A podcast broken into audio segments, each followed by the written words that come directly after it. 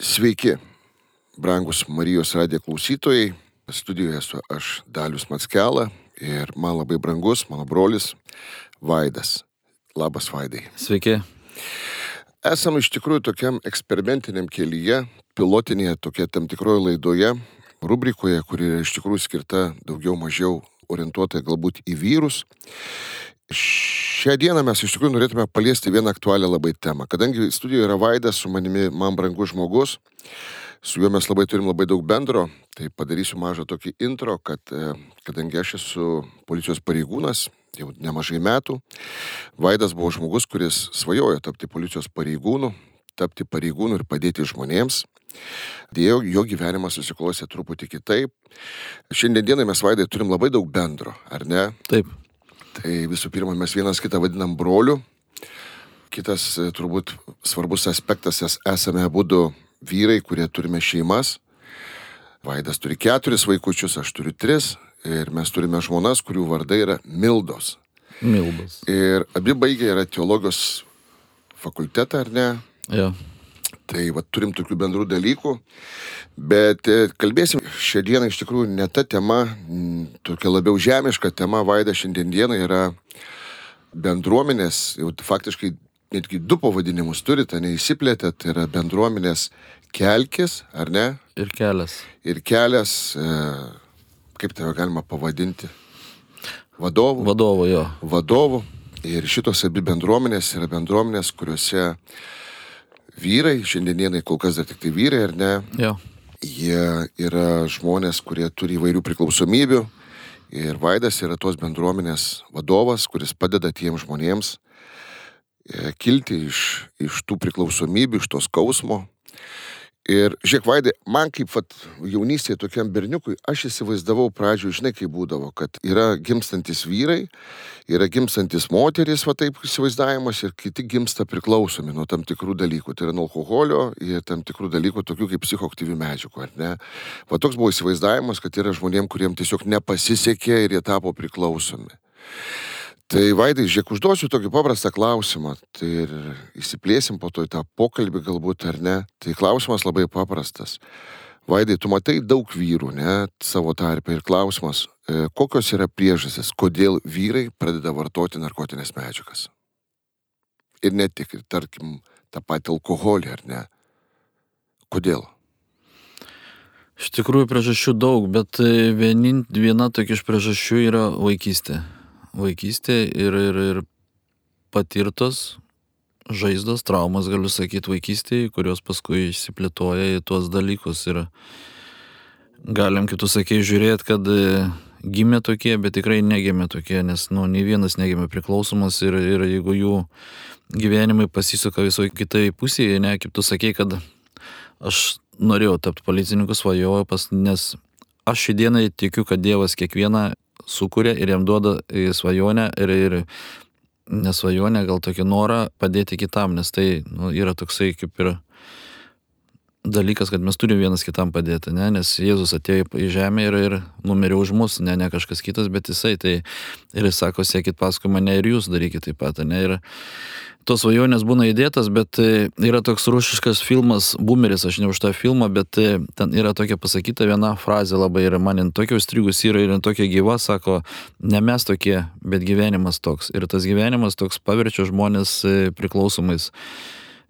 Mano ta svajonė buvo tapti policininku ir aš norėjau, aš ne, nebuvau, aš buvau mamos vaikas, mamičiukas ir, ir nesimuždavau, nesikeikdavau, nelakstydavau kažkur, bet mano tėtė pasidino į kalėjimą ir, ir prasidėjo užguliojimai, patyčios, mokykloje, jos yra labai stiprios ir šį dieną tas pats vyksta, mes gal tik tais nematom, bet kada pats susiduri, tu tai supranti ir tos patyčios kažkada davedė mane iki to, kad aš susimušiau pirmą kartą ir primušiau tas, kuris mane užguliojo ir nuo tos dienos mano gyvenimas pasikeitė. Aš susidėjau daug kaukių ir pradėjau gyventi kitaip, ne taip, kaip norėjau. Tai man atrodo labai daugama negaliu sakyti, kad tai vyksta su visais, bet šį dieną, kaip aš bendrauju su, su vyrais ir matau, kad viskas eina iš vaikystės. Tėvų nėra, tėvas kalėjimuose arba tėvai įsiskyrė, kažkas atsitiko, kažkur vaikai vieni gatvėse ir nori prisitaikyti prie šio pasaulio iš tikrųjų, kas yra blogiausia. Bet va tas va, toks stereotipas būna, nes va tie, kurie klauso, tu tokie įsivaizduoja, va kokie nelaimingi žmonės, kaip jiems nepasisekė, bet aš, nu, aš pažįstu puikiai tavo kai kuriuos vyrus, ne tavo bendruomenės, su jais bendrauju. Ir tai yra ne ta kategorija, kuri neturėjo, ta prasme, svajonių vaikystėje, paauglystėje. Ir daugelis iš jų yra, buvo tie patys, kurie važiavo galbūt rytais į darbą, gėrė kavą, turėjo svajonių planų, bet staiga tiems planams iškilo grėsmė, nes jie tapo priklausomi. Tai vad, pažiūrėjau, kokias įskirtum iš tikrųjų tas problemas, dėl ko tas vyras pradeda vartoti, ar ne? Nu, tu pradėjai kalbėti apie tai, kad galbūt yra atskirtis kažkokia, ar ne? Mhm. Nusivylimas kažkoks kažkuo yra. Jo. Ir tai yra žmonės, kurie pradeda vartoti ir tampa priklausomi, ar ne? Tai mes apie tą žalą gal paskui vėliau pakalbėsim, bet, pažiūrėjau, kokios tos dar priežastys gali būti. Tai yra vėlgi, nu, darbe problemos, šeimoje problemos, santykiuose problemos, dėl ko jie pradeda tai daryti. Nes aš įsivaizduoju, pradžioje gali pabandyti iš e, smalsumo, vedinas, bet paskui tai tampa tokia bėda, kuri tampa kasdieninis rūpestis ar ne ir skausmas artimiesiam. Ir tau pačiam. Aš tokį dar vieną dalyką matau lūkestis mes susidedam labai lūkesčius, net tu paminėjai šeimas, e, vedybinės ar, ar tas gyvenimas. Daugumų iš tikrųjų, aš dabar buvau bedalis, mane ten buvo pakvietę į vieną jaunimo mokyklą, kur aš pats tokia bai, nebaigiau, mane išmetė vakarinės anksčiau būda, dabar yra jaunimo. Ir ten visas jaunimas, kuris realiai garina. Visas. Ten nėra, kad negarina, ten yra normalu. Ir, ir jie galvoja, kad jie kitokie mes kaip jauni esame, mes galvom, kad aš kitoks, man čia yra linksma. Vaikystėje, jaunystėje tai pasidaro linksma, tai yra tik tais toksai kaip nuotykis, o, o paskui peregauna į tą ir, ir dauguma susideda lūkesčius, kad susituoksiu ir viskas baigsis. Apsiženi, susirasiu žmoną, bet ateini į šeimą ir tu supranti, kad tu gavai žmogų ne tokį, kaip tu norėjai žiūri, kad jis irgi turi savo charakterį, turi viską ir, ir prasideda ta, ta kasdieninė tokia rutina, bet aš galvoju, kad ne tai įtakoja, aš vis tiek vėl grįžtu į, į vaikystę. Viskas vėl susideda į mūsų vaikystės. Nuo, e, nuo mūsų augimo, nuo mūsų, kaip mes augom, ką mes darėm, kur mes ėjom. Ir aš tokį labai gerą pavyzdį turiu dalės, jau jie yra girdėjęs toksai Darius. Mano klasiokas, kuris buvo ir jis buvo kitoks. Jis buvo kitoks jis ėjo į bažnyčią, jis patarnaudavo kunigui ir jisai nebijojo pasakyti, kad aš nebūsiu spaliukas, nebūsiu pionieris dar buvo rauso laikai ir jis buvo kitoks. Ir jo sikimybė buvo visai kita negu mūsų. Ir jisai nebijojo išsiskirti. Ir kaip aš įstikau pirmą kartą grįžęs iš kalinimo įstaigos, jisai dirbo savivaldybei, turėjo šeimą, turėjo namą ir jisai siekė savo tikslų. Tai mano toksai, nu, matymas, kad mums nereikia būt, nebijoti būti kitokie. Ir ta priežastis gali būti įvairi iš tikrųjų, nes pas mus ateina daug vyrų ir, ir kurie įvairių, net nežinau, nuo ko ten pradėti, vis, visiems yra skirtingai. Kaip dalis minėjo, vienas buvo verslininkas, turėjo namus, turėjo viską, bet pradėjo vartoti alkoholį. Kažkas nepasisekė kažkur. Dažniausiai mes nemokam gal ateiti ir nežinom, kur reikia ateiti, kaip mums yra blogai, tai mes bandom slopinti viską užslopinti tą alkoholį, užgerti, atrodo, kad problema dings, bet jos nedingsta ir, ir kaip tu pradedi slopinti su tais sintetiniais preparatais visais, tai laiko ateinus išsivartoja tą priklausomybę ir, ir tada jau viskas būna prarasta. Sakai, būna prarasta, žiek vaidai, nu, nepaslaptis, pats irgi esi vartojęs, ar ne, narkotinės medžiagas. Tai žiūrint į tavo į pavyzdį, ne, aš tai bandau įsivaizduoti, dėl to mes kartais su Vaidu laisvų metu, kada turim to laikelio nuo savo veiklų, važiuojam į mokyklas, ar ne? Jo. Ir yra įstaigų, kurios sako, kad visgi buvęs, tarkim, narkomanas, jisai neturėtų kalbėti jaunimui apie narkotikų žalą, nes kadangi jisai kalba, stovi prieš auditoriją, tai vadinasi, jam viskas yra gerai, Vadinasi, jis yra blogas pavyzdys, nes ta prasme pasirodo vartoti ir toliau atsistoti ant kojų įmanoma, tai dėl ko dėl to reiktų bijoti. Bet mes vaidė ką pastoviai akcentuojame, mes ateinam į mokyklą, mes niekada nekalbam turbūt apie baudas, mes kalbam apie pasiekmes. Mažiau kalbam apie atsakomybę, bet kalbam apie pasiekmes, nes į pasiekmes ir telpa greičiausiai ir atsakomybė, nes pasiekmes didžiausios yra turbūt yra asmenio ryšio su šeima netekimas, aplamai nevilties tas ateimas į gyvenimą. Bet, vad, žiek vaidai, mes galim tai prezumuoti, iš tikrųjų pasakyti, tai ar visiems pasiseka, tarkim, bendruomenė jūsų atsistoti ant kojų ir pradėti jau tą gyvenimą šiokį tokį, jau sudarkytą, bet iš naujo? Būtų labai gerai, jeigu galėčiau pasakyti, kad visiems labai mažas procentas. Iš 11, iš 22, nu, iš 12, tai čia yra labai gerai, čia, nu, nesiseka taip, kaip norėtųsi ir, ir neišeina taip atsistoti. Ir tu kitą kartą susimastai, kodėl aš toks toks laimingas, ne, ir kodėl aš šiandien stoviu, bet stoviu iš tikrai ne todėl, kad aš kažkoks geresnis už kitus, aš gal daug blogesnis, bet e, iš Dievo malonės, iš tikrųjų, nes Dievas man davė malonę atsistoti šiandieną ir kaip dalį sako, blogas pavyzdys, kad eina į mokyklas, ar ne dar kažkur, nesutikčiau iš tikrųjų. Aš irgi, Nesutikčiau. aš irgi nesutikčiau. Nes aš ateinu ir, ir sakau, kad kaip gerai vartoti narkotikus, nes paskui jūs vėl galite atsistoti. Ne, ne, mes ir šnekam su daliu, kad tai yra begalinė žala. Ir aš dar dalius nesupažinau su tokiu lūku, kuris e, vartodamas narkotikus turi 80 procentų kūno nudegimo. Tai jis irgi gal tada blogas pavyzdys, nes jis irgi išgyveno. Bet ta pasiekmė yra praradimas visko. Kodėl mes va to nematom, to gyvenimo etapo, kai žmogus neturėjo nieko, ne kaip aš sėdėjau laiptinėje naktį, kai neturėjau gal ko net ko pavalgyti, kaip e, antrą valandą nakties sėdi laiptinį žiemą ir mėgi ir kažkas leidžiasi žemyn, ir turi išeiti lauką, nes kad nepamatytų, kad tu laiptinį mėgi, kad e, neturėjai jokių draugų artimųjų, tai yra tas gyvenimo, ta, tas etapas, kurio nieks nemato, žinot, ir atrodo, koks tu šiandien geras ir gražus, kad tu čia stovi, bet e, ta visa praeitis, kuri gyvena manyje ne, ir kur aš galiu pasidalinti su vaikais, su jaunimu, kad tai nu, nereikia daryti. Ir, ir, ir mes nematom tų žmonių skausmų, iš tikrųjų, kurie ateina. Nesuprantam, mes šiandienai labiau tokie visi e, linkę smerkti, teisti, bet nepadėti pakelt kažką iš, iš tos dobės. Ir, ir aš baigiau reabilitaciją pas brolius kapucinus ir, ir kapucinai, kaip ir pranciškus, turi tą tokią regulą, kad jie turi eiti pas vargšus. Man labai patiko, tai kaip aš turėjau svajonę e, būti policininku, padėti žmonėms, nes Dievas įdeda, aš dar kartą pasikartosiu, į širdį gerus ketinimus ir gerus norus. Ir, ir kada aš grįžau pas viešpatį, kada Dievas, kada malonė išsiliejo, ir aš supratau, kad aš noriu daryti gerą. Aš nenoriu būti tas vaidas, kuris apgaudinėja, ten plėšia, atima dar kažką, bet aš noriu kaip tik padėti žmonėm. Ir, ir ateini ir tas laikas ateina, kad tu grįžti prie tos svajonės, kurią Dievas įdėjo, jis vis tiek tave gražina. Nuostabu. Ir dabar aš, nu, nežinau, galim čia ir atskleisti iš tikrųjų, kad Vaidas nėra teoretikas. Vaidai, tu svajoji tapti policijos pareigūnu. Tai buvo graži svajonė padėti žmonėms, nes įsivaizdavai, kad ta profesija iš tikrųjų yra tam. Iš tikrųjų taip ir yra. Bet dėja, tavo gyvenimas taip susiklostė, kad tu, tu 14 metų praleidai įkalinimo įstaigoje, teisingai. Jo, 14 metų. Gal netalizuosim už ką, ar ne, kol kas, ar ne, bet gal kažkada mes atskleisim tas, bet tai yra tavo patirtis, tu ir pats vartoji narkotinės medžiagas, ar ne.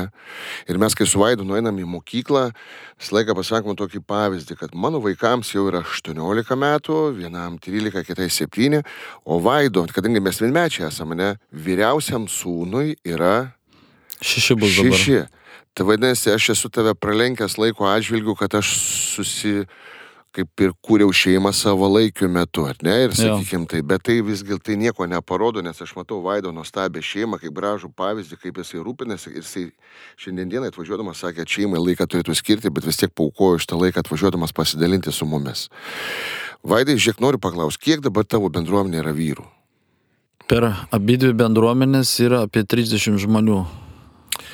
Kas jūs laiko kartu, va, tarkim, jūs turite kažkokią dienotvarkę, discipliną, turite tvarką, ar ten taip, kaip kas nori, taip gyvena. Ne, pas mus yra disciplina, yra tvarka. e, Na, kiti ateina, sako, čia tas pats, kas kalėjime, žinai. Ir tada tu juokiesi, galvoji, ar, ar tikrai? Nes Ar tikrai? Ar tikrai? Eina kalbėti žmogus, kuris nebuvo kalėjime, kalba tam, Jo. sėdėjo kalėjime. Jo, ne? sako, čia kaip kalėjime, žiūri, galvoju, ar tikrai. Pas mus duris atrakintos, vartai atrakinti, aišku, yra tvarka, taisyklės, kad už teritorijos ribų mes negalime išeiti vienas, kol tu pradžiasi. Mhm. Yra dienotvarkė, mes keliamės anksti, pusė šešių, po šešių dvidešimt mes turim bendrą maldą su vyrais, aš jau dabar nedalyvauju, nes atskirai jau pradėjau gyventi, bet nuo pusė ši, nuo po šešių dvidešimt prasideda malda, šlovinimas, Dievo žodžių skaitimas, dalinimasis ir po valandos laiko pusryčiai ir ta darbo terapija iki vakaro, o vakare vėl vakarienė ir susirinkimas. Kiekvieną vakarą mes taip. Tai tas toks vatirėminimas dienos jis yra toks skirtas tam, kad nesirastų. Jau tie vyrai, kurie pas tai dabar yra, turbūt jau pagyveno pakankamai laisvai, ne, Jo. kad, kad, kad dabar galėtų gyventi ir kažkaip nu, dienotvarkėje matyti prasme, daryti, veikti ir kartu būnant gydytis, ar ne? Mhm. Vaidai yra labai daug visokių rehabilitacijos centrų, bendruomenių, tarkim, visokių ten ugdymo kažkokių psichologų, ne? Mhm. Jūsų bendruomenės pagrindas yra kas? Prasme, Dievo žodis. Dievo žodis. Jūs statote visą savo, ta prasme, prasme šito atkūrimo gyvenimo ant tikėjimo pagrindo. ar Ant tikėjimo pagrindo, Klausimas, taip. kodėl? Todėl, kad Dievas man davė laisvę. Nes, e, e, kaip tu paminėjai, aš galiu irgi išduoti paslapti. E, Aš kažkaip visada linkęs sakyti, kad aš 10 metų vartojau narkotikus, bet tai netiesa, aš vartojau daug daugiau. Aš 10 metų vartojau ultraveninius narkotikus, tai heroiną 10 metų vartojau, bet be heroino aš kitus vartojau, tai nežinau, nuo 16 metų, tai čia gaunasi didelis laiko tarpas. Žolytė aš skaičiau ne narkotikas, kai ir dabar sako amfetaminai, ten ekstazinai, tai buvo pasilinksminimo priemonė. O jau kaip heroiną aš pradėjau vartoti, aš vartojau sis- sistemingai. Nors ir žolę aš rūkiau sistemingai, buvo net metai laiko, kad aš be persų kiekvieną dieną rūkydavau. Daugiau rūkydavau žolę negu cigaretės, nes turėjau tokį pasiteisinimą labai gerą prieš draugus, nes, nu, Ne visi nori, kad draugai, kad tu rūkytum tą žolę, nes e, kiti supranta tai, bet e, tu turi tokį kaip pasiteisinimą, kaip žolė, tai, nes dauguma tai skaito, kad tai nėra narkotikas. Tai šiaip. O aš sakydavau, kad e, žolė yra daug geriau už cigaretės, nes jie Dievo sukūrė, nors jo netikėjau Dievu visai tada, bet nes kadangi jinai yra auglas ir natūralus, o tabaką daro, tai aš labai turėjau tokį pasiteisinimą ir jie man neturėdavo ką atsakyti iš tikrųjų. Tai aš daug daugiau vartojau tos narkotikus, negu, negu tos, tai, negu sakydavau kažkada šį dieną, aš tik pradedu suprasti, kad tai buvo nuo 20 metų mano gal toksai stažas jau, susideda gal net dar daugiau. Ir nubėgo mintis kažkur apie ką mes čia kalbėjom. Kalbėjom apie tai, kad nu, tas vartojimas ilgalaikis, ar ne? Mhm. Būna tas trumpalaikis. Aš turiu iškart klausimą. Žinai, gali būti, kad vienam žmogui pavartojus kartą jau tu esi pagautas ir tu tampi priklausomas. Gali. Gali būti, kad žmogus jisai vartoja nuolatos, bet jisai bent jau save įvardina kaip nepriklausomų. Nors jam to reikia kasdieną. Jo, yra. Bet greičiausiai mes irgi sakome, ne, kad nu, tas žmogus ateina, sako, va, aš vartojau narkotinės medžiagas metus, du, tris ir pasižiūrėk, kad su manim nieko blogo neatsitiko. Ir mes kartais sakom iš šono, ne, gal tau ir atrodo, mums iš šono tu atrodai tikrai jau kitoks, mes tai pažinom kitokį. Ir kalbant apie dabartinės, jau dabar aš iš tos perspektyvos, gal policijos pareigūnų, ar ne, tai tarkim, e, mes turim apie 800 dabar skaičiuojama, ne, narkotinių medžiagų medžiagų, nors tai skaičiai yra baisiniai, bet sudėtinės dalys yra labai panašios ir, sakykime taip, tie visi, visos tos psichoaktyvios medžiagos, mes ten turim tos senuosius narkotinės medžiagas, tas tradicinės, netradicinės, ten galbūt ten mes turim tas stimuliuojančias, turime tas raminančias arba halucinacijas sukeliančias, bet bet kokiu atveju tai veikia mūsų centrinė nervų sistema, ar ne? Tai veikia mūsų centrinė nervų sistema ir iš tikrųjų aš dabar galvoju, paklausiu tavęs, Vaidai, kaip tu manai, čia vėlgi kalba apie vyrus, ne?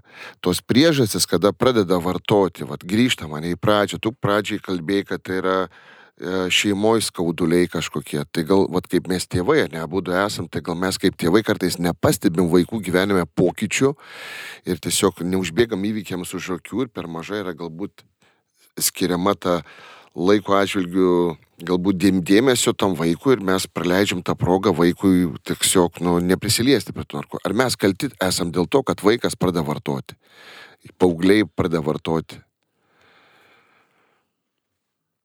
Ką mes kaip tėvai va, tiesiog galim pa- pakeisti tame, nes vaikas dažnai būna, kur išeina į mokyklą, vaikas išeina galbūt į treniruotę, vaikas eina vakarai susitikti su draugais. Ką kaip tėvai, vas, pažiūrėjau, galėtume daryti tokio, kad vaikui nekiltų noro net pradėti galvoti, kad tai yra įdomu, smalsu, hebra vartoja, pabandyti vieną kartą. Aš galvoju, kad šiai dienai turėčiau duoti laiko vaikam, skirti jam dėmesio, pabūti su jais, išklausyti jų, daryti tai, ko jie nori, ne tai, ką aš noriu. Aišku, lengviausia šiai dienai duoti planšetę, įjungti filmuką ir, ir atrodo, kad vaikas užsiemęs tuo, bet ten kaip mano žmona ten pračekina, ką jie žiūri, ten kitą kartą tai net baisu yra iš tikrųjų. Ir, ir tie dalykai, kad, ką, ką šiandieną kaip tėvas suprantu, kad man reikia su jais ir filmuką pažiūrėti. Aš vakar sužiūrėjau, turėjau laiko, tai visą dieną buvau su jais ir filmuką žiūrėjom ir kalbėjomės mes su jais. Šiandien vėl du pasimsiu, važiuosim į kaimą pas vyrus. Jiems patinka pas vyrus nuvažiuoti. Vaikai ten, jie, jie jaučiasi ten kaip namuose, iš tikrųjų vyrai. Ir vyram yra gerai to tokia terapija vaikų, nes kaip tu sakai, žinai, ką mes tėvai galim, aš tai galvoju, kad mums reikia duoti dėmesio ir mums neužtenka vien atnešti pinigų ir nupirkti vaikų kažką, žinai, net užtenka, nes mes labai mėgstam pasakyti, aš turiu daug darbo, žinai, aš, aš nekalbu apie kitus, aš apie save kalbu ir, ir šį dieną aš save jau gaudau, kad aš neturiu tiek darbo, man darbas neturi atstoti viską, kad aš nematysiu, kaip vaikai auga, aš prieš kelius metus pats tą save pagavau, kad Neatsimenu, kaip Jokūbas augo, Jokūbai dabar bus 3 metai, ta vaikystė. Dabar mes turim Edenę, e, jai bus 8 mėnesiai kitą savaitę. Tai aš su ja jau stengiuosi daug laiko praleisti ir kaip gera matyti, kaip vaikas šypsosi, auga, kaip pamato tėtį ir jinai nori eiti pas tėtį, o su Jokūbu tai nebuvo. Kodėl nebuvo? Todėl, kad aš dirbau, turėjau darbo, kažkas man svarbu, bet tai neturi atstoti, aš vis tiek turiu rasti laiko, aš turiu sustatyti tos prioritetus, ką šį dieną aš ir, ir stengiuosi padaryti ir duoti tą laiką, nes prisiminti savo vaikystę, ne, ir, ir, ir tas, tas dėmesio trūkumas, nebuvimas, e, tėvų nepa, nepaaiškinimas kažkur kas, aišku, ten pas mane visai kita situacija, tėvas sėdėjo, mama ten važiavo pas tėtį ir aš ją suprantu, norėjau palaikyti tėtį, nes, e, bet va tas va ir mano buvo gyvenimas, išėjimas iš namų į gatvę. Mes šiandieną gatvėje leidžiam laiką, vaikai šiandieną leidžia prie kompiuterio laiką, ne? Tai... Kaip įdomiai suvedė, iš tikrųjų dabar kažkaip man susivedė, va, tavo tėtis, ne, pateko į kalimo įstaigą ir tu netekai tėčio. Jo. Ir tiesiog tau tai tikrai buvo tas toka ir visas tavo gyvenimo maištavimas, juk iš to kažkaip, ne, ir gimė. Ir dabar, kai tu pradedi kalbėti, kad visgi tėvai kartais tampa patys e, savanoriškai, užsidaro tam tikrus kalėjimus ir nepaslaptis vienas iš tų kalėjimų yra labai būti užsijėmusiu, nes yeah. vyram tai yra būdinga, ar ne? Ir kiek mes vaidai iš tikrųjų liudimų girdėję esame ir pas tave turbūt broliai kalba bendruomeniai vyrai ir aš kiek girdėjęs, kad po kažkurio etapo, kai viskas buvo gerai, etapo viskas blogai, arba ten įvyko ir man tenka su daug šeimų bendrauti, ne, kurios yra, nu, turi tam tikrų bėdų. Pagrindinė būna problema tokia. Buvom užsiemę labai darbais, labai stengiamės, kad vaikas visko būtų aprūpintas, visko turėtų, nestokotų. Ir staiga supratom, kad kažką praleidom. Kad pametėm iš tikrųjų tą taką ir nukrypom, tam tokie vaikas pasiklydo, nes mūsų šalia nebuvo, nes mes buvom labai užsiemę. Tai nereiškia, kad tėvai neturi dirbti, ar ne, bet tas balansas tarp vaiko santykių. Aš buvau viena vaikų dienos centre, žinai, visai nesenai. Ir iškilo klausimas, va 12 metų berniukas, gyvenantis su tėvais, jisai tiesiog naktimis trenkia durimis ir išeina vokti. Ir manęs klausia, ką daryti. Aš sakau, tai kaip supras, ką daryti jam 12 metų, ne? Tėvai atsakingi už jo dar kol kas raidą augimą. Ja. Bet sako, tėvai, nu tiesiog tai kalbėjau su socialinė darbuotoja, bet tėvai labai užsiemė darbais, kur rimtai. Ką aš padaryčiau tokiu atveju? Turbūt aš atidėčiau visus savo darbus ir aš susikoncentruočiau tą vaiką ir pabandyti atkurti santykį, nes natūralu, kad čia nebėra autoritetų, nes jeigu tėvam palinosi trenkia durim 12 metų vaikas, kuris e, tikėtina, kad yra, yra įjukęs į tam tikras irgi priklausomybės, tai vadinasi autoritetų nebuvimas. Be abejo, mes tos autoritetus turime užsitarnauti turbūt paprastų gyvenimų šalia jų, kad jie Taip. turėtų tikėti, kad šalia mūsų yra saugu. Bet mes turim baidai tokių bėdų, tokių yra šeimų, kurios įsiskyrė yra, ar ne? Ir vaikam yra tikrai yra problema, nes dažniausiai vaikas mato dažnai savaitgalį vieną, biologinį turbūt artimą savaitės bėgi auklėjimas skiriasi. Ir tame labai daug yra vaikas plėšomas, draskomas, ar ne? Tai daro blogą įtaką, ar ne? Negaliu, žinai, aš čia už visus sakyti, bet žinai, va tai, kad tu kalbė, iš tikrųjų, tai va tas, e, aš pats, e, aš matydavau tėvą, aš nuvažiuodavau į kalinimo įstaigą aplankyti jo ir aš labai laukdavau. Ir, žinai, negali sakyti, kad tu nemyli to tėvą ar tėvas tavęs nemyli, bet tas nebuvimas, vėl aš grįšiu gal prie tų vaiko patyčių, ne, ir, ir, ir kitą kartą gal tam vaikui yra skaudu, kaip jis mato du tėvus, sako, aš su tėvais einu kažkur kažkur einu su tėvais, e, ten tas ir, ir vaikas turi viduje tą skausmą, tą lūkestį, kodėl jis kažkur išeina. Mano, tie, nu, va, tas, kaip tu sakei, ta, ta įvardė, e, tėvai daug dirbo ir aš tą patį dariau. Ir, ir kada tu pamatai, kad jau nebėra santykių su Jokūbu, ne, ir kaip jį sunku buvo man atstatyti, ačiū Dievui, dabar aš jau su juo mes jau draugai. Bet kiek man kainavo iš tikrųjų, kiek jis net, net nenorėdavo su manim bendrauti, nenorėdavo ateiti, aš įkviesdavau ir, ir, ir kodėl jis neteidavo, todėl kad kažkada aš nejau. Kažkada aš nebuvau, aš ten nebuvau. Ir yra svarbu, kad mes kaip tėvai turėtumėm tą laiką su vaikais, nes, nu, tai yra belekas iš tikrųjų. Ten, jeigu aš kalbu iš savo situacijos, pas mus visi, pas mus yra net e, dauguma vaikinukų, kurie yra iš vaikų namų atvažiavę ten. Ir, ir kas svarbiausia, jie jau pasilikė pas... Šį dieną aš noriu pasidžiaugti, kad pas mus daug vyrų jau stojasi ir eina iš tikrųjų. Jau mes ir turim atidarę tuos kelkis namus, jau ten gyvena šeši vyrai, kurie jau baigė namus jau po du metus, jau kurie turi darbus. Jiem dabar atėjęs ten padeda pirmas mūsų klientas, kuris atėjo pas mus brolis toks raimės, jisai ten pas juos. Tai mes turim gal kokią apie 10, apie 11 vyrų per 4 metus, kurie jau gyvena savo gyvenimą ir padeda kitiem. Tai aš esu labai patenkintas tuo ir džiaugiuosi, kad Dievas daro tą darbą tokia. Ir kaip tėvai, mes turim iš tiek skirti laiko. Pasidaryti tos grafikus, pasidaryti kažkokius, nes žinot, kas dar yra dalio, dar viena tokia mintė, tie, mes per daug susireikšminam. Taip. Per daug susireikšminam ir sakom, kad be manęs kažkas sugrius, nes aš taip sakiau, be manęs sugrius namai, be manęs tas sugrius, čia, čia niekas nepadarys. Būdinga, jo. Ne, nu kaip čia be, be jo. to vyro, ne? Ir ta prasme, tu ari, ari, dirbi, dirbi, stengiasi, stengiasi. Ir nepaslaptis kartais būna, ne, nu, ir norisi išgirsti tų komplimentų šeimoje, staiga tu neišgirsti, atsiranda tas nusivylimas kažkoks, jo. ar ne tai, ką tu darėjai, atrodo pats džiaugsmo tame nebematai, ari, ari ir staiga supranti, kad visa tai buvo tuščia, ne, ir tai prasme, jokio atliepimo nėra, ir vaikų tai džiaugsmo daug nesukėlė. Jo, mes čia dabar apie tos vaikus, tai žiūrėk, galėtume tai prezimuoti iš tikrųjų, kad kai kurios žaizdos gydomos narkotinė medžiagom vėlesnėme etape yra dėl to, kad vaikystėje buvo padarytos tam tikros klaidos, tai prasme, dėmesio neskirimas, įskaudinimas, šeimoje matė tikrai blogą pavyzdį galbūt ar ne kažkokį, ir nebūtinai tai tu šeimoje vartojo, galbūt toje šeimoje kaip tik nevartojo, bet buvo santykiai nekokie ar ne, ir tai prasme, vaikas vėlesnėme etape, pabėgdamas nuo to šeimos, jis pradeda galbūt net ne vaikas, ne, o paauglys, ne, pradeda vartoti kažkokias narkotinės medžiagas, ne, Gali būti dėl to. Gali, laisvai. Ir, ir dar vienas yra toksai dalykas, kur pas berniukus būna kompleksai. Kodėl mes pradedam vartoti, kodėl mes eidom į šokius, nežinau, dabar ne, jaunimas nebeina į šokius, mes eidom, mes eidom pas vieną tokią klasioko tėvas darydavo naminį viniuką. Mes eidom nes prieš muzikos pamokas po mhm. stiklinę, kad turėtum drąsuot, kad pas kažką užkalbinti. Tai vėlgi, kodėl tu nemokė kalbėti, todėl kad su tavim niekas nebendravo, tu niekas nemokė, ką tu reikia sakyti, nerodė to pavyzdžio, tu nematai. Ir, ir ta, tie kompleksai, daugumą padaro tie kompleksai. Pradeda vartoti, nes tu, tos medžiagos e, yra sintetinės, jos tave apsvaigina, ir tu toksai atrodo liktai drąsesnis, ne, ne? Ir šiandieną aš mūsų šeima šis yra abstinentai ir, ir aš šiandien kaifuoju, kaip sakau, tą žodį, toksai jis nėra geras, bet nuo to, kad esu blaivas ir moku blaiviai kalbėti, bendrauti su žmonėm. Tai irgi yra Dievo malonė. Tai mes turim ir vaikus, apie, vėl grįžtam prie vaikų, mes, nu, Nes kaip vyrai ateina, visi turi kažkokius kompleksus, visi kažkur kažkas yra susidėję. Bet ir... gal to neišvengsi, nu, mes visi kažkaip norėtume būti gražesni, aukštesni, tobulesni, ar ne? Jo.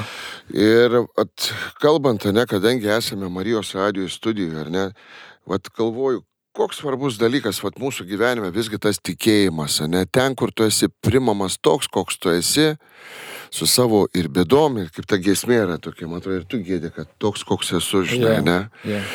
Ta prasme, kad nu, esam, esam tokie, va dėl ko tas tikėjimo pagrindas toks svarbus, va tarkim, man tikrai labai gaila tų šeimų, ne, kurios, nu, vyras, žmona gyvena, va kaip tu sakai pradžioje, ne, kad nesutapo charakteris, taiga skiriasi.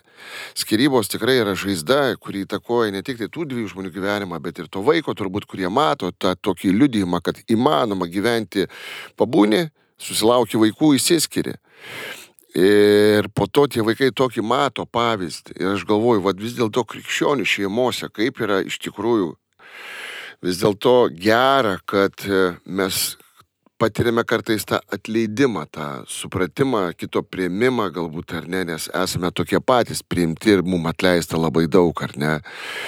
Tai va, aš galvoju, tas tikėjimas, ne, tas sprendžia labai daug dalykų. Tikrai labai daug sprendžia dalykų, nes jisai mum, mus priverčia į mus pasižiūrėti, kieno yra kaltė. Nes paprastai žmonės pasaulyje labai daug kaltina vienas kitą. Kaltas tu, kaltas tu, ar ne? Ir bilinėjasi toliau teismuose. Tai tikinčio žmogaus gyvenime yra labai labai aiškus dalykas. Jeigu tu pažvelgsi tiesiai į akis, tu suprasi, kad tau reikia eiti ir tiesti ranką atsiprašymu, nes tu kaltas dėl to buvai. Ir nereikia kaltinti kitų.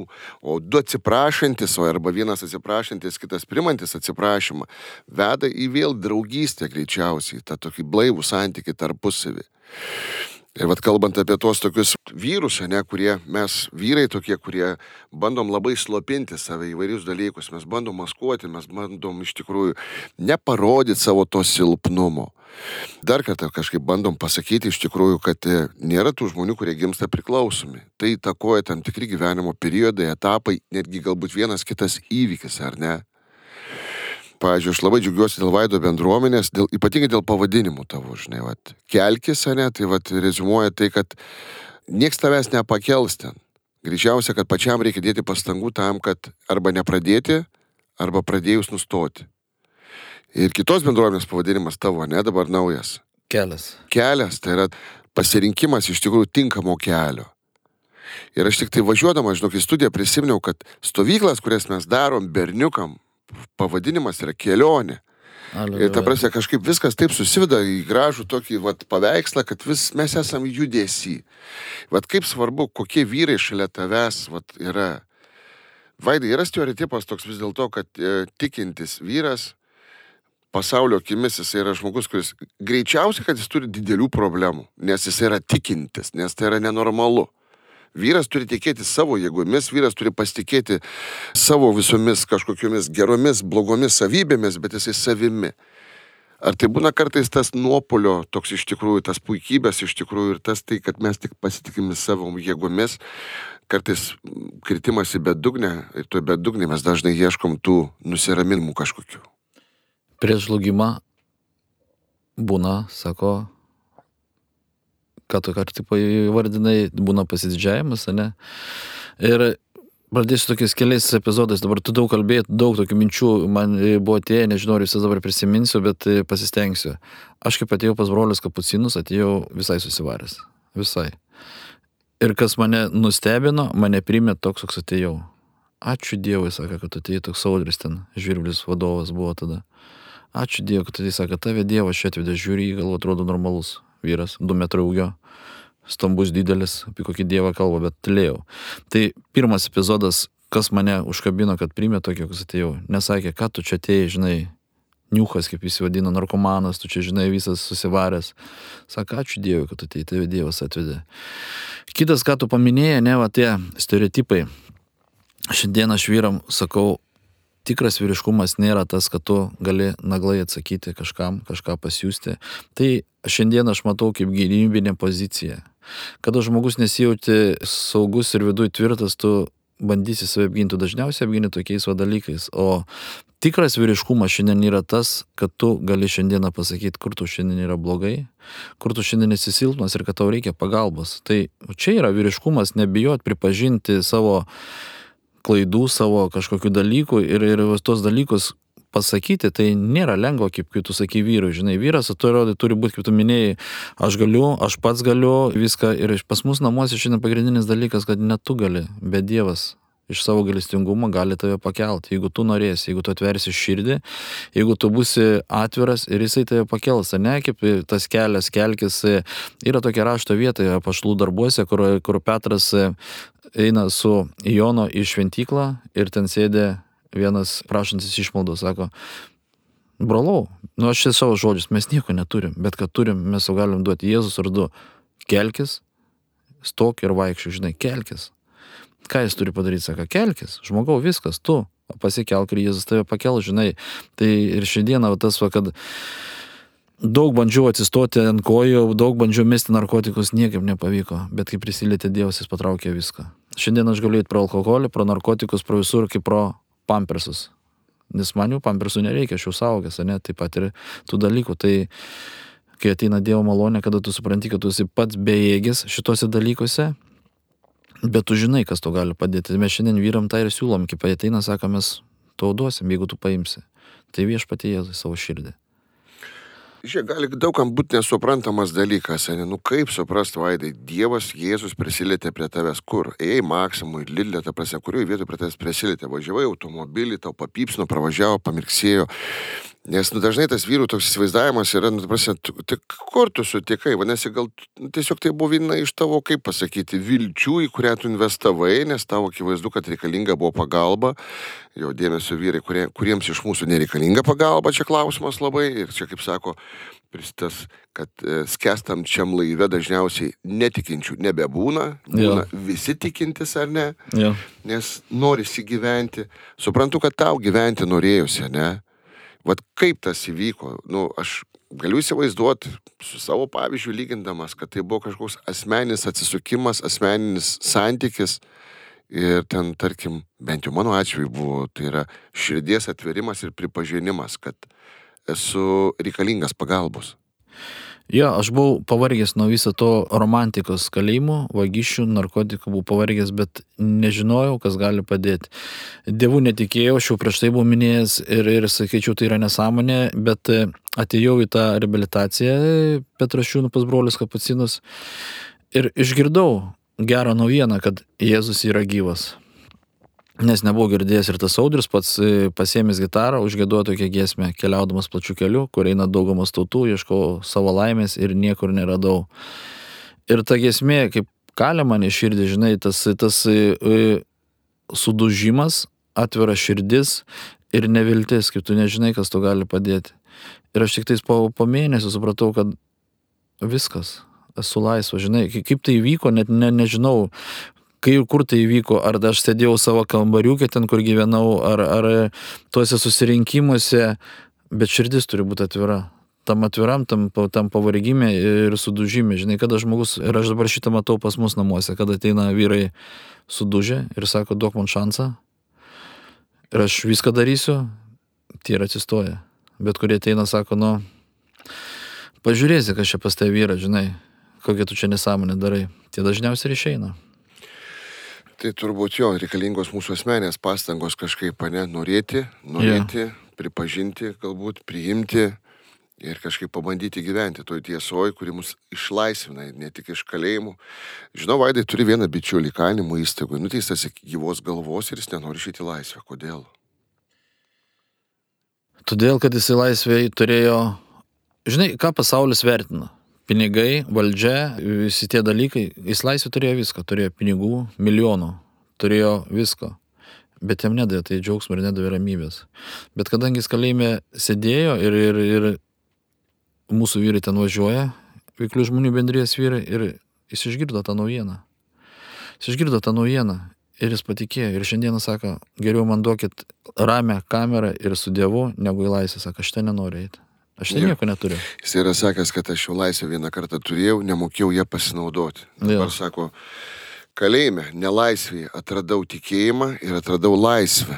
Kalėjime jis jaučiasi laisvesnis negu kažkada buvo laisvėje, ar ne? Jo, Iš kurios jis pateko į kalimo įstaigą už labai sunkius rezonansinius nusikaltimus, ar ne? jo. Džiaugiamės dėl jo. Vaidai, dar turiu klausimą. Tavo bendruomenė tikrai yra įvairiausių vyrų, ar ne? Su Jo. įvairiom, labai labai labai įvairiom istorijom, ar ne? A, Pakalbėkime apie jų šeimas, tarkim, kaip jų šeimos tai išgyvena.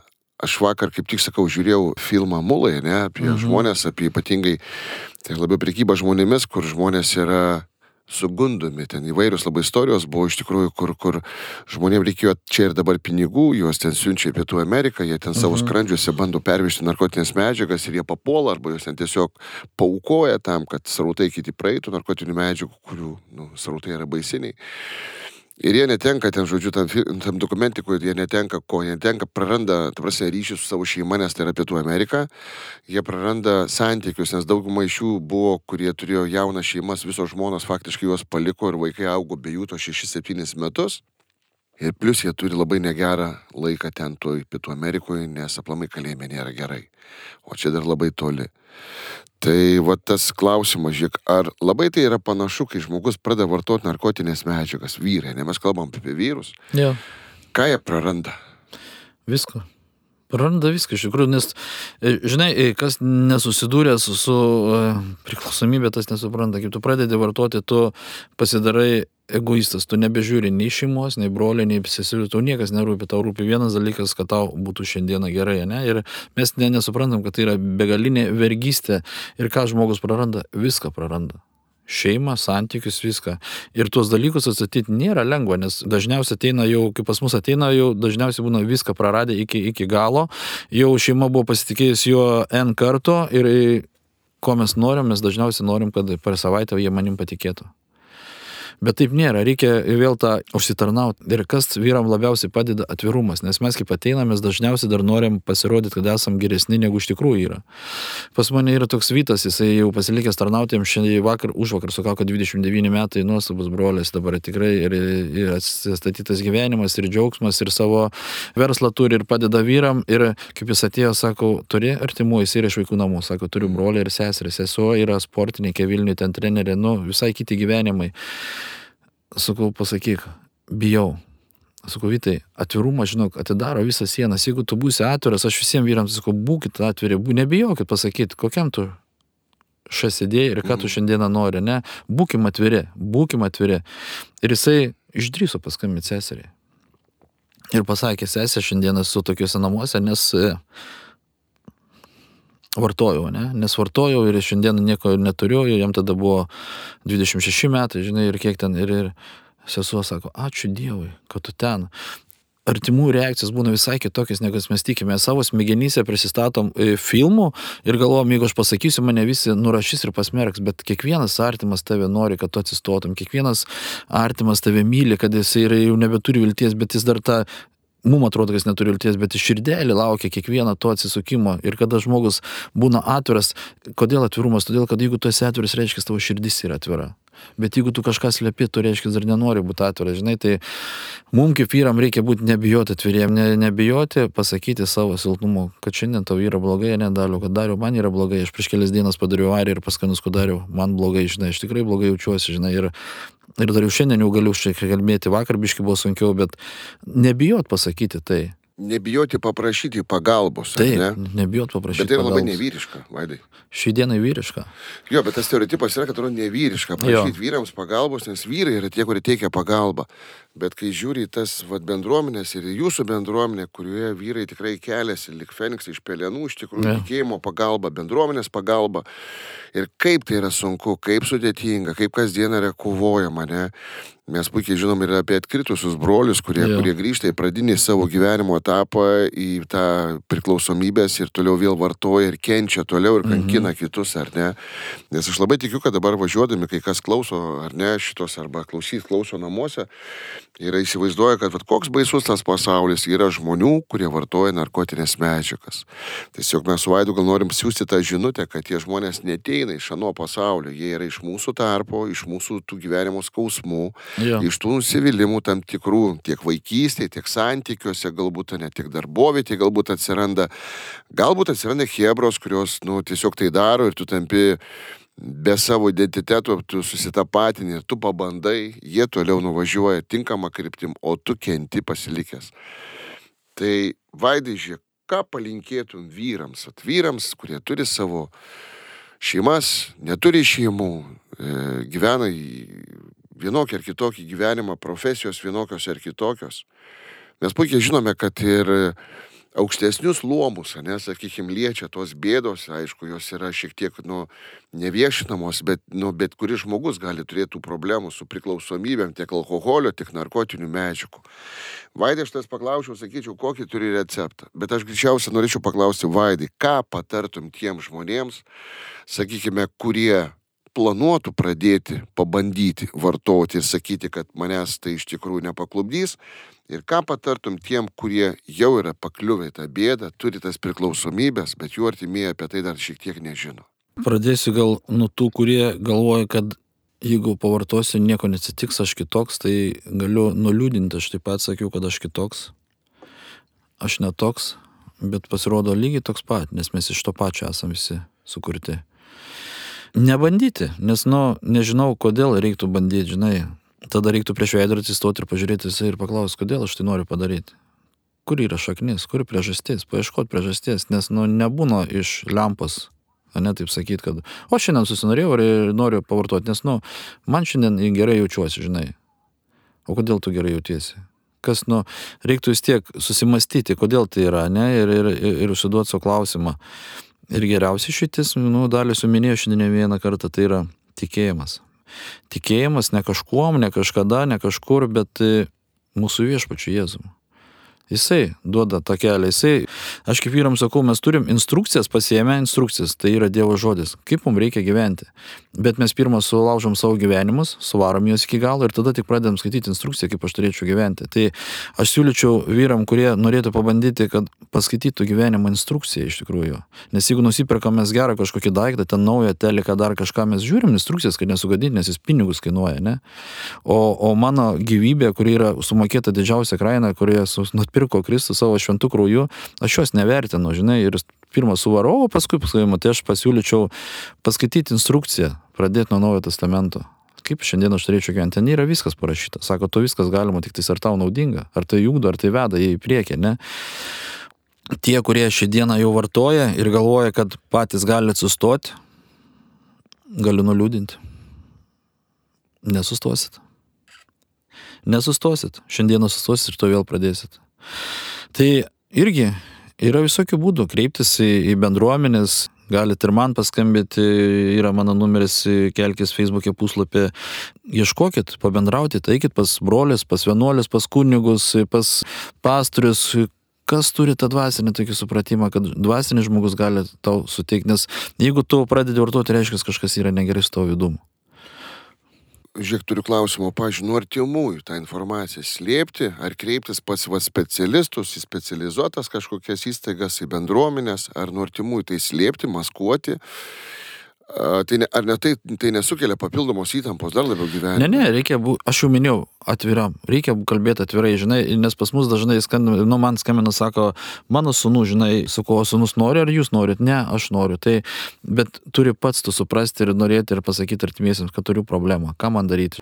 Bet va vėl čia tas atvirumas, kiek tu šiandieną pats esi atviras savo Žinai, mes galim meluoti artimajam, ten dar kažkur, bet kiek tu šiandien atviras savo ir tu, mm. aš vėl pasiūlysiu atsistoti prieš veidrodį ir pasakyti, ar tikrai tu šiandien nori ir gali baigti ir kaip tu tai padarysi. Nu, ne, nebūkime melagiai savo, nes jeigu tu savo nepameluosi, tai nu to reikia pradėti, žinai, kad, nu, kaip aš šiandieną tai matau.